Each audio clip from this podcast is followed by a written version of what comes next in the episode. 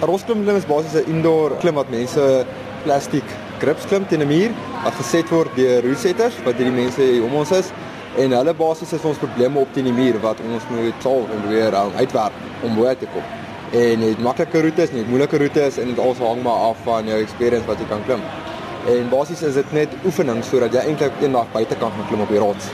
En dit is wat die gym eintlik vir is. So hierdie alles is oefening sodat die ouens op die einde van die dag buite op rots kan begin beter klim en, so.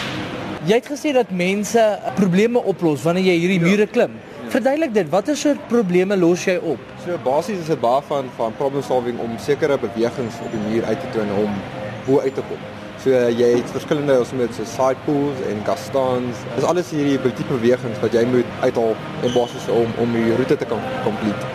So die die hoogte is dalk 'n roete wees 'n haal wees wat bietjie ver uit is vir reach uit is van jou en jy moet basies oplos hoe gaan jy by daai uitkom want almal klim dieselfde roete of jy nou jonk is of oud is of maak nie saak nie ouderdom nie. Ja. Almal klim dieselfde roete op 'n enkele dag.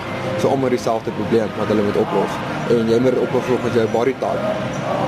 Sekere bewegings vir jou makliker wees as iemand anders en sekere holds gaan vir jou hande beter werk as iemand anders. So jy moet basies net daai uitfigure vir jouself wat gaan vir jou werk. Ons noem dit 'n beta, is basies die voorbeplande manier om 'n sekere beweging te doen. So die beta van 'n roete is 'n sekere beweging wat jy moet execute om daai on moves te doen. Daar's verskillende tipe grips teen die muur. Hoekom is daar verskillende kleure? Verduidelik vir my bietjie hoe van hulle lyk like en okay, hoe so basies as jy op die mure sal sien is daar 'n met 'n grading system. So jy het nommers wat begin van 14 wat opgaan tot by 32. So basies hoe moeiliker die nommer is, hoe moeiliker is daai roete om te, om te klim. So jy beginners sal jy maklik op 15 kry wat baie groot is met positive holds het of ja. jugs het. So jug is maar net 'n baie positive grip. Jy kan lekker jou hand daar indruk om vashou met jou hele hand um baie beginner gekrip kan ek sê. En dan gaan jy so op gaan kyk nou nader aan jou jou krimpers wat ons nou noem. So elke roete sal bestaan uit 'n klomp van daai tipe holds. Dan ons nou daai krips kan ons nou sê.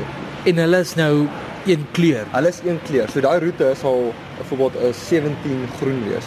En daai 17 groen is al die grips wat jy weet wat jy kan volg. So dis color code. So jy weet volg die groene 17 dan doen jy daai spesifieke probleem of daai roete ja. in die gym waar as jy nou 25 wil doen met pers is en die nou die die pers roete. So dis net baie makliker om dan tussen nou dis onderskei. En elke roete sê bestaan uit al daai tipe grips, jou jou pinchers, jou pockets en soos jou holds moeiliker raak, begin jou roetes ook moeiliker raak. Vertel my 'n bietjie meer oor die gym self. Want ek sien julle het wel oefentoerusting hier. Is hierdie tipe sportsoort gewild? Waar klim mense gewoonlik? Um, in Oktober sal ons eerste jaar wat ons eintlik oop wees. Die sport was nog baie klein voor die tyd gewees maar dit begin nou meer en meer geword raak soos meer en meer mense die sport ontdek. Al die jong mense. Baie skole het nie sport gehad nie, weet. Daar was 'n paar plekke hier en daar gewees aan skole wat grips gehad het teen die mure, maar dit was nooit 'n professioneel aangepakte ding gewees. Die ouens trouens sê wat hierso klim, ons resetter so, klim 15, 20 jaar.